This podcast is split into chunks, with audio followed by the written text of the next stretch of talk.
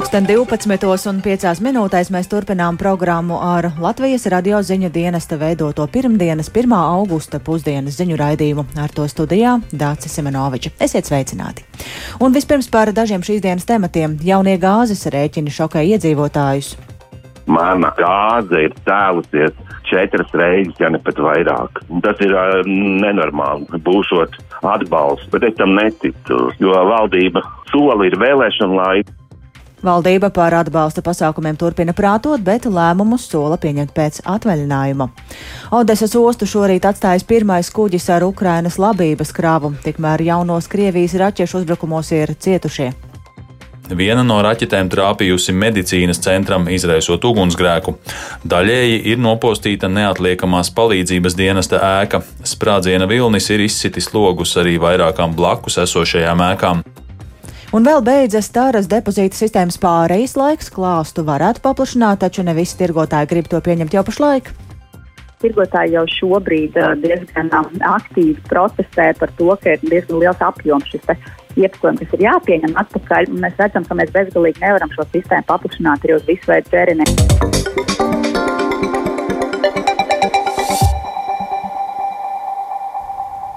Maisaimniecības, kas par gāzi norēķinās pēc izlīdzinātā maksājuma saņēmušas jaunus, ievērojami lielākus rēķinus par dabas gāzi. Pārsteigums un izbīles iedzīvotājiem ir liels, jo rēķins ir pieaudzis pat vairākas reizes. Mazāka bēda ir tām maisaimniecībām, kas gāzi izmanto tikai ēdienu gatavošanai, bet maciņš plašāk ir jāatver tiem, kas gāzi izmanto arī apkurei. Un šobrīd studijā man ir pievienojusies kolēģi Linda Zalāne, kura šajā jautājumā ir iedziļinājusies vairāk. Sveika, Linda! Labdien! Labdien, Dāce! Labdien, Latvijas radio klausītājiem! Un ar cik lielu gāzes rēķina pieaugumu mājsaimniecībām ir jārēķinās? Jā, kā jau minēju, pieaugums ir un tas ir ievērojams, un Latvijas gāzes sniegtā informācija liecina, ka tām mājsaimniecībām, kas dabas gāzi izmanto tikai ēdienu gatavošanai un patērē no apmēram 4 kubikmetrus e, mēnesī, maksājums par dabas gāzi pieaug apmēram līdz 3 eiro. Savukārt mājsaimniecībām, kas dabas gāzi izmanto arī apkurei un patērē vidēji 100 80 kubikmetrus mēnesī, maksājums pieauga pat par 130 eiro mēnesī. Latvijas gāze informē, ka dabasgāzes tarifu pieaugums skaidrojams gan ar augsto dabasgāzes iepirkuma cenas prognozi Rietumē Eiropas biržā nākamajā pusgadā, gan ar iepriekšējā pusgada cenu rekordiem um, varam nojaust, ka iedzīvotāji šo vēstu droši vien neuztver ar lielu sajūsmu. Kāda ir iedzīvotāja reakcija? Jā, Latvijas radio izdevās aprunāties arī ar vienu iedzīvotāju vārdā Raivi, kurš neslēp sašutumu par gāzes rēķina straujo kāpumu. Turklāt viņš bažīs, ka ar jauno gāzes tarifu pārēķinu nekas nebūs galā un cena līdz ar nākamo gadu pieaugs atkal. Raivs dzīvo 48 kvadrātmetru lielā divistabu dzīvoklī Rīgā un gāzi izmanto gan ēdienu gatavošanai, gan siltumam, gan arī ūdens uzsildīšanai. Papildus dzīvoklī ir vēl arī krāsnes, ko Raivs teica, eh, ka izmanto apkurei. Raivs stāsta, ka gāzes apkuri pats var regulēt, un viņš maksā pēc izlīdzinātā maksājuma metodas. Līdz šim mēnesī maksāja apmēram 60 eiro par gāzi, bet tagad rēķins ievērojami pieaudzis. Paklausīsimies Raivijas stāstītajā, cik ievērojami ir pieaudzis rēķins par gāzi šogad jūnijā saņēma pārreikinu, kas jau bija 137 un 24. Savukārt pagājušajā nedēļā saņēma atkal pārreikinu, kas jau sastāda 246, 47. Tas nozīmē, ka mana apkure un gāze ir cēlusies četras reizes, ja ne pat vairāk. Tas ir uh, nenormāli. Tikai arī zinu, ka uh, pēc jaunā gada arī uh, sola, ka būs pārreikins. Nu, es baidos, ka tas arī var atkal pārlet no 240 uz vēl lielāku summu. Un kaut kur dzirdēju, kad būšot atbalstu par uh, apkuri no valdības puses, bet es tam neticu, jo valdība soli ir vēlēšana laiks Nu, sanāk tā, ka tev ir jāstrādā, lai samaksātu par jumtu virs galvas. Nu, jāsavāk būt jostas, viss saprot. Es zinu, ka ir kaimiņu zemē karš, bet es kā pilsonis neesmu vainīgs pie tā. Valstī ir jāatbild par šo. Cik iedzīvotājiem ir izdevīgs šīs izlīdzinātais maksājums vai situācijā, kad gāzes cenas ievērojami pieaug, ir varbūt vērts mainīt kaut ko maksāšanas kārtībā. Jā, elektroenerģijas tirgotājs ja, SIA Enefita biznesa segmenta vadītājs Edgars Cvetkovs skaidro, ka maksāšanas metodas ir trīs. Par gāzi var maksāt pēc biržas cenas, fiksētas cenas vai veikt jau minēto izlīdzināto maksājumu.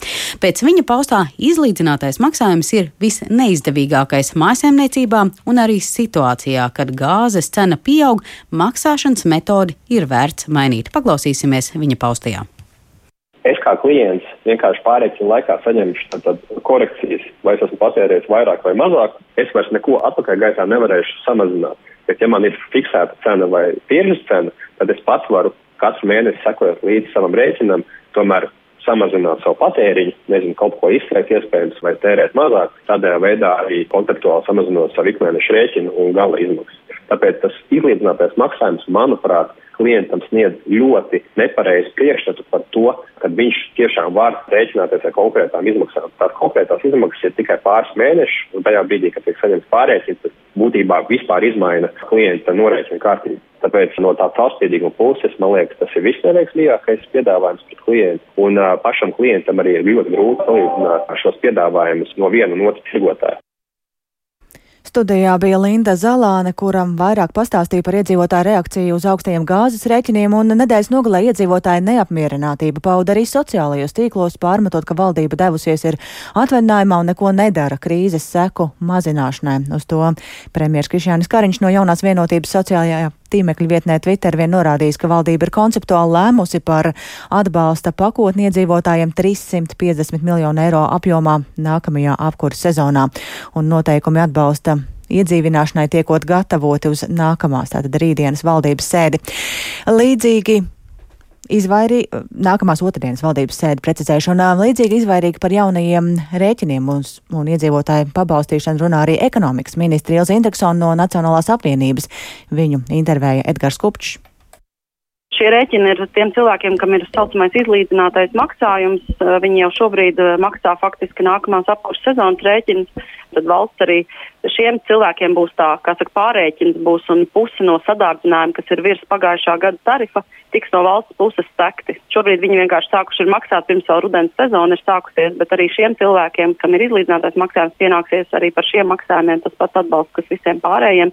Ja tas rēķins iepriekšējā gadā bija nu, par to pašu pakalpojumu, bija piemēram 100 eiro, un tagad viņš būs 200 eiro, tad no tiem papildus 100 eiro 50 eiro valsts uh, seks kompensē šo sadārdzinājumu pusi. Un kad sagaidām tāda pilnīga skaidrība cilvēkiem, kad ar ko rēķināties? Šobrīd jau ir skaidrība, ir visiem viss ir izstāstīts, un faktiski viņš sāks tiks piemērot ar nākamo apkuru sezonu šī atbalsta maksājuma. Faktiski regulējums likuma līmenī un uh, noteikuma līmenī tiek veidots, un tikko ministru kabinets atsāks uh, regulāras sēdes, tad arī tiks apstiprināts, bet koncepts ir pilnīgi skaidrs, un arī informācija sabiedrībai ir sniegta, kāda veida šī atbalsta pasākuma būs. Bet tas cilvēks, kas to rēķinu vakar ir saņēmis, kad viņš var sagaidīt atbalstu par nu, šo konkrētu konkrēto rēķinu? Šobrīd es jums uh, tik detalizēti tieši precīzi datumu nepateikšu, jo es nezinu, kā tie pakalpojums sniedzēji šos rēķinus pārēķinās, kurā brīdī. Tas princips ir tāds, ka tie rēķini, kas nāks tieši apkurs sezonā, tie jau nāks, kur jau būs redzams daļai noņemtais uh, maksājums nost, un rēķinā būs redzama valsts samaksātā daļa, ko valsts ir iedzīvotāju vietā samaksājusi. Bet, ja ir šie avans maksājumi, tad es vienkārši pajautāju, cilvēkiem, kam ir tāda veida rēķini, viņiem ir atnācis pēc tam pārēķins un faktiski nebija jāmaksā kaut kāds rēķins nākamais. Bet vai tā būs un kad tas būs, to tad cilvēki augustā varētu tikt pie kādas skaidrības? Skaidrība ir jau šobrīd, ka viņiem 50% no sadārdzinājuma valsts seks. Apkurs sezona parasti sākas oktobrī. Viņi saņemot jau apkurs rēķinu par oktobra mēnesi, tajā rēķinā redzēs šo daļu, ko valsts ir samaksājusi viņu vietā. Par jūliju. Jā, nu tas nozīmē, ka arī tiem, kam uz atpakaļ, tiem būs pārreikins. Viņiem faktiski tad tajā brīdī būs tie rēķini mazāki. Tad novembrī vajadzētu ieraudzīt izmaiņas. Jā, noteikti, noteikti. Publiskajā telpā gan sāk parādīties arī eksperta viedokļi, kā ar valdības paredzētajiem 350 miljoniem eiro atbalsta pasākumiem iedzīvotājiem nepietiks. Piemēram, bankas citadela ekonomists pauž, ka viņa prāt 350 miljonu eiro bija par maz pat tad, kad gāze bija divas reizes lētāka. Música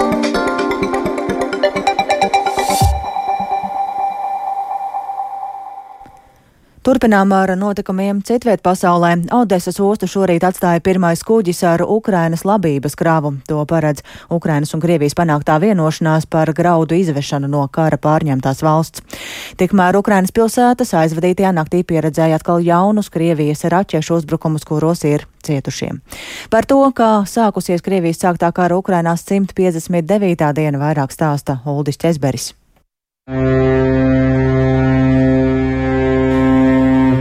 Melnajā jūrā šodien iepeldēja pirmais kuģis, uz kura atrodas 26,000 tonu Ukrainas kukurūzas. Zem Sierra Leones karoga kuģojošais kravas kuģis Razonī no Odesas ostas devās uz Tripolis ostu Lībijā, paziņojis Ukrainas infrastruktūras ministrs Aleksandrs Kubrākovs. Savukārt telekanāls CNN Turk ziņo, ka šonadēļ Odesas ostu plāno atstāt kopumā 16 kravas kuģi, kuru galamērķis būs pārsvarā Āfrikas valstis. Ukrainas graudu eksports notiks saskaņā ar Ukrainas, Krievijas, Turcijas un apvienoto nāciju organizācijas jūlijā parakstīto vienošanos. Jūras koridora darbību un kravas kuģu drošību uzraudzīs Turcijas pilsētā Stambulā izveidotais koordinācijas centrs. Pēc 24. februārī notikušā Krievijas pilna apmēra iebrukuma Ukrainā iebrucēju kara kuģi bloķēja Ukrainas Melnās un Azovas jūras ostas, neļaujot izvest no valsts vairākus desmitus miljonus tonu pērnu novāktās labības. Šī iemesla dēļ daudzās Āfrikas un Tuvo austrumu valstīs ir strauji pieaugušas pārtikas cenas, bet miljoniem iedzīvotāju draud bats. Aizvadītajā naktī notikuši jauni Krievijas raķešu uzbrukumi apdzīvotajām vietām visā Ukrainā. Vismaz trīs cilvēki ievainoti triecienos Mikolaivai, viena no raķetēm trāpījusi medicīnas centram, izraisot ugunsgrēku. Daļēji ir nopostīta neatliekamās palīdzības dienesta ēka. Sprādziena vilnis ir izsitis logus arī vairākām blakus esošajām ēkām. Vismaz divi cilvēki ievainoti Harkivā, kad Krievijas karaspēka izšauta raķete šorīt trāpīja vienā no pilsētas dzīvojamajiem rajoniem, informējis Harkivas apgabala administrācijas vadītājs Oleks Sinegūbovs.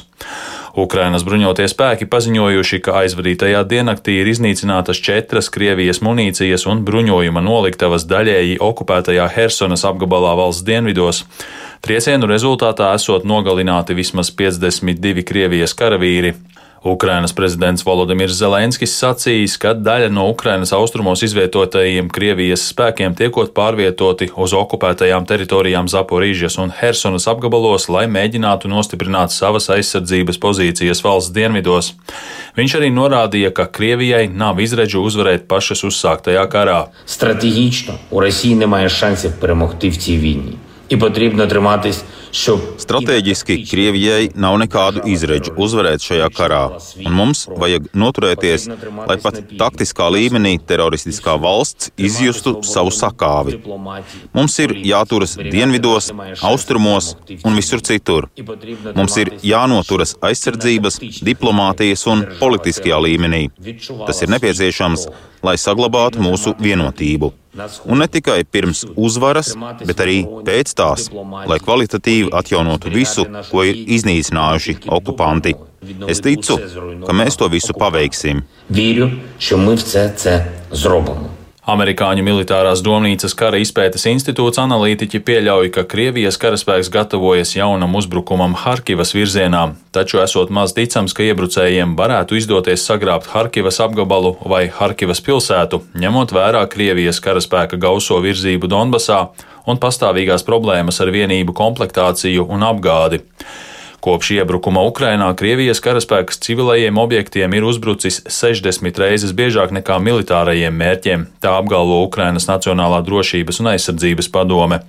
Kopš 24. februāra Krievija ir veikusi aptuveni 300 triecienus pa militārajiem objektiem, bet civilajiem objektiem ir uzbrukts vairāk nekā 17 tūkstošus reižu.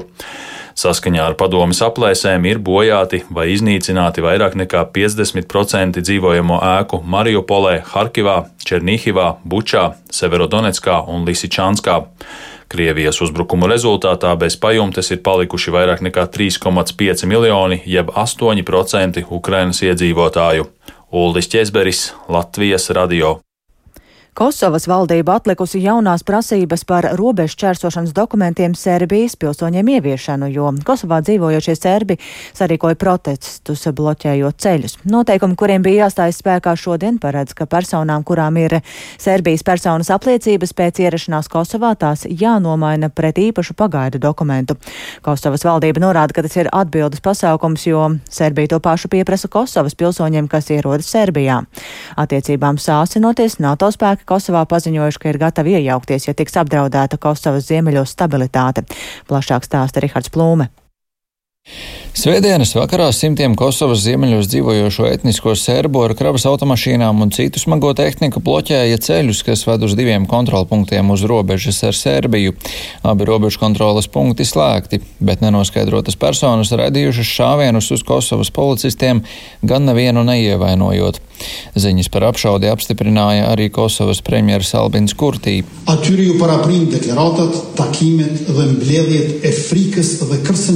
Viņš skaidroja, ka nākamās stundas un dienas var būt izaicinošas, un Kosova saskaras ar tai labi zināmo Serbijas šovinismu. Pierobežā esošajā Mitrovicas pilsētā svētdien bija dzirdamas arī gaisa trauksmes sirēnas, radot satraukumu par iespējamām militārām darbībām. Valdība izplatīja paziņojumu, ka jaunās prasības ieviešana par robežu čērsošanas dokumentiem atlikta līdz 1. septembrim. Priekšlikumu atlikt jauno noteikumu ieviešanu par mēnesi izteica ASV vēstnieks Kosovā. Lēmumu apsveica Eiropas Savienība un arī Serbijas prezidents Aleksandrs Vučičs. Doneli su odluku da nameću Viņš uzsvēra, ka strādās miera nodrošināšanai un aicināja serbus nepakļauties provokācijām. Kosovas neatkarību atzīst vairāk nekā 90 valstis, to vidū arī Latvija, tomēr to neatzīst Serbija un Krievija. Belgrada bijušo provinciju joprojām uzskata par savas teritorijas sastāvdaļu. Spriedze abu pušu starpā likusi izskanēt viedokļiem, ka Serbija varētu uzbrukt Kosovai. Viedokli par notiekošo Twitterī paudis arī NATO strateģiskās komunikācijas izcilības centra direktors Jānis Sārts, norādot, ka notikumi uz Serbijas-Kosovas robežas sāsinās un izskan skarbi paziņojumi, kas atgādina nesenu runu no kāda cita līdera uzsākot karu. Militārā intervence gan varētu pārvilkt strīpu Belgradas saņemtajam atbalstam no Eiropas Savienības, un Sārts pauda šaubas, ka Serbija to vēlētos. Kosovā atrodas NATO vadīta miera uzturēšanas operācija, kurā atrodas arī Latvijas karavīri. Paziņojumā misija norādījusi, ka situācija ir nokaitēta un alianses spēki Kosovā ir gatavi iejaukties, ja ziemeļos tiks apdraudēta stabilitāte. Paziņojumā teikts, ka operācijas komandieris sazinās ar visiem saviem galvenajiem sarunu biedriem, Serbijas un Kosovas augstākajām aizsardzības amatpersonām, lai mazinātu spriedzi. Operācijas spēki ir gatavi veikt visus nepieciešamos pasākumus, lai Kosovā vienmēr būtu droša vide saskaņā ar ANO mandātu. Visbeidzot, kā Twitterī norādījis Latvijas aizsardzības ministrs Artis Pabriks no attīstībai par, viņš ir saziņā ar Latvijas kontingenta karavīriem Kosovā. Ministrs apliecināja, ka viņu darbā ne šajās dienās, ne pēdējās stundās nav nekādas novirzes no ierastās darba dienas. Viss esot mierīgi un kontingents strādā saskaņā ar plānu. Ministrs skaidroja, ka Latvijas kontingenta otrā rotācija Kosovā atrodas kopš janvāra un ir iekļauta ASV bruņoto spēku vadītajā bataljonā. Karavīru galvenie pienākumi saistīti saistīti ar miera un kārtības uzturēšanu, un tajos ietilpst Kosovas-Serbijas robežas kontrole 55 km garumā. Rihards Plūme, Latvijas radio.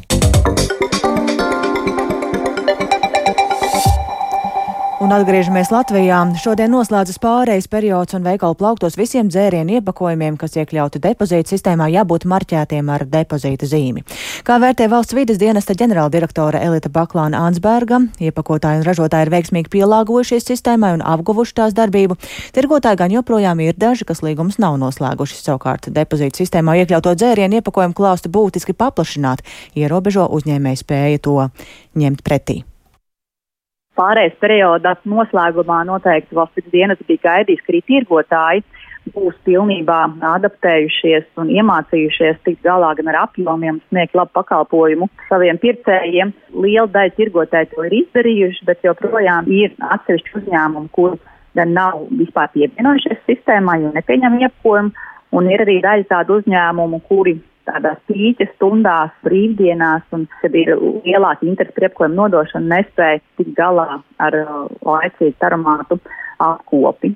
kā arī ir nu, bažas tāds pelēkais virziens vēl mazie tirgotāji, kuriem ir manuālā pieņemšana paredzēta, un tur arī ne visi tirgotāji jau ir atgriezuši un nogādājuši šķirošanas centru šo pieņemto iepakojumu, un līdz ar to pastāv bāža, ka patiesībā tā pieņemšana netiek organizēta. Cik būtu apmēram šīs vietas, kur ir tās problēmas? Noslēgt līgumu šobrīd nav pieciem uzņēmumiem, tās ir 32 tirdzniecības vietas, kas, protams, ja mēs runājam par 1500 kopā, 500 vietām ir niecīgs skaits, 28 tās joprojām ir beztīklā, un tad ir 4 mazie veikaliņi. Ap 200 varētu būt kā tādi manuālie pieņemšanas veida tirgotāji, par kuriem mums nav līdz šim tāda skaidra informācija, ka tiešām pakalpojums tiek nodrošināts. Bet sūtījums par šo pagaidām mēs neesam saņēmuši, tā kā nu, varbūt arī nav tāda pamata satraukumam. Un cik ilgā laikā jūs cerat ar šo sadaļu tikt galā? Attiecībā uz tiem tirgotājiem, kas ir noslēguši līgumus, intensīvāk strādā debesīta operators. Valsts dienas ir pieslēdzies un palīdz operatoram risināt šo jautājumu ar tirgotājiem, kuri nav nemaz noslēguši līgumus. Šobrīd šo dažu mēnešu laikā mēs esam izsūtījuši brīdinājumus, dažus desmitus. Lielākā daļa uzņēmēju jau ar brīdinājumiem ir rēģējuši noslēguši līgumus. Bet uh, esam arī vairāk nekā 10 tūkstoši eiro kopumā jau uh, piesprieduši šodienas tirgotājiem kuri nav noslēguši līgumus, un to mēs turpināsim darīt. Vai iekļauto iepakojumu skaits tomēr nav pārāk neliels pret kopējo iepakojumu apmēru? Ja mēs runājam par visu iepakojumu, tad, protams, šī ir pavisam niecīga daļa, bet, ja runa par dzērienu iepakojumu, tad dzērienu klāsts ir gana plašs. Ir uh, sistēmā reģistrēta vairāk nekā 4000 nosaukumi, un jau ap 3000 arī tiek atgriezta tēra. Bet, jā, es tieši saņemu jautājumu, kas būs ar piena produktiem, ar tetrapakām un citiem dzērieniem. Tirgotāji jau šobrīd uh, diezgan uh, aktīvi protestē par to, ka ir diezgan liels apjoms. Mēs redzam, ka mēs bezgalīgi nevaram šo sistēmu paplašināt tirgotājiem ierobežotas iespējas pieņemt un uzglabāt līdz nodošanai tālāk iepakojumu. Tāpēc iepakojumi, kas šobrīd ir iekļauts, tie ir tie augstākā riska iepakojumi, kas visvairāk nonāca vidē. Tad depozīta sistēma jau nav atkrituma savākšanas sistēma. Tā ir sistēma, kas risina vides problēmas un vidas jautājumus. Mēs esam izanalizējuši iespējas paplašināt sistēmu, un nu, jau mēs ceram, ka ministrs kabinets tuvāko mēnešu laikā pieņems šos ministrs noteikumus, un līdz nākamā gada nu, aprīlim sagaidāms būs pārējais periods, kad pilnīgi visiem dzērieniem, kas būs pēc pudelēs, arī alkoholiskajiem dzērieniem, kas arī ir viena no šiem riska grupām, kas nonāk vidē, arī dažādiem alkoholiskiem kokteļiem, arī stiprākiem kokteļiem, kas šobrīd pārdunēs vai tikko no tarā iepakot vai pēc, ir iespēja nebūt sistēmā. Un vēl programmas noska, izskaņā par to, ka Kurzemē un Ziemeļlietuvā kopīgā projektā šobrīd pievērš pastiprinātu uzmanību ezeru izpētē. Par to interesējās Ingo Zola. Usmas ezers ir viena no vietām Kurzemē, kur tagad būs iespēja mērķiecīgi pļaut ezera niedras. Usmas pagasta pārvaldes vadītājs Gendriks Česters stāsta, ka projekta ietveros izdevies iegādāties niedru pļāvēju laivu un piekabi, lai varētu transportēt. Plānā mums ir tāda katru gadu izpļaut aptuveni 3 hektāri minimālais, jā, un attīstīsim tās vietas, kuras jāizpļauj, lai būtu normāla ezera viļņošanās un attīrīšanās pašam ezeram. Kāda šobrīd ir situācija ar ezera aizaugšanu, skaidro dabas aizsardzības pārvaldes Kurzemes reģionālās administrācijas direktore Dace Sāmīte. Protams, jau acīm redzams, ka ezers aizaug un tieši tā sekulūdens daļa, kas ir visvērtīgākā virknē aizsargājumām augu sugām, tā tad nu, tā pati retā gludspora ezerene, viena no ļoti retām najadām pie mums ir sastopama ezerā. Un, um, viņām vajag šīs atvērtās vietas, un, un tagad, kad ir šis niedru pļāvējs, ja, tad, tad nopļaujot niedrus, ko mēs iegūstam, ja mēs pļaujam vasarā, tad mēs vājinām niedru sakņu sistēmu, jo viņi mēģina attaukt vēlreiz un nekoncentrē saknē barības vielas nākamam gadam. Otrs, nopļaujot un izvācot šīs niedras, tad viņas vairs nepūst ūdenī, mēs noņemam šo slāpekli. Dacis Sāmīte uzsver, ka visas ezera niedras nevar izmantot saimnieciskai darbībai, kā tas notiek piemēram papē. Savukārt niedru pļāvējus ir pirkušas vairākas kurzemes pašvaldības. Liepājas ezerā vispār ļoti katastrofāli vajag šie lagūna ezeri, kas ir piekrastē, viņi tiešām ir sekli. Ja, viņi ļoti intensīvi aizaug, jo viņiem pašiem pa sevi jau tendence ir pārpurvoties ar laiku. Savukārt izglītības programmas ietvaros projekta īstenotāji veido īpašu izstādi par dzīvību ezerā un to veidošanos. Plānots, ka izstāde tiks atklāta augustā Slīteres dabas izglītības centrā, pēc tam ceļos pa visu kurzemi. Sākotnēji ceļojošā izstāde no Slīteres nonāks Liepājas dabas mājā Ingozola Latvijas radio kurzemē. Ar to izskan ziņu dienas veidotā programma Pusdiena. Producents Edgars Kupšs ierakstus montēja Renārs Šteimanis par labskaņu rūpējās Kristaps Runģis un ar jums sarunājās Dācis Simenoviča. Vēl īsi par svarīgāko jaunie gāzes rēķini šokē iedzīvotājus Odesu šorīt atstājas pirmais kuģis ar Ukrainas labības kravu un vēl beidzas tāras depozīta sistēmas pārejas laiks.